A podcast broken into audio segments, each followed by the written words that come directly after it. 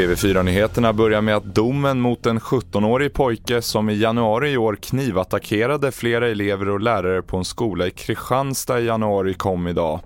Pojken döms till sluten ungdomsvård i tre år för tre fall av försök till mord och två fall av olaga hot.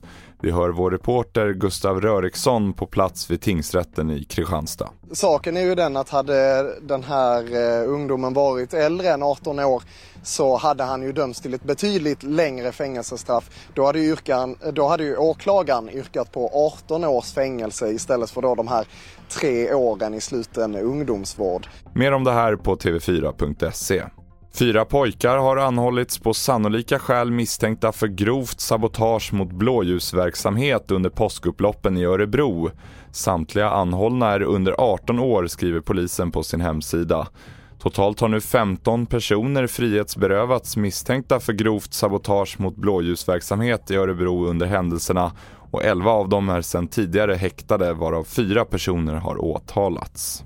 Slutligen om sommarkassan, för efter två år med coronabantad semesterbudget så ökar de svenska hushållens planerade kassa för sommaren rejält visar en ny undersökning som Nordea låtit göra.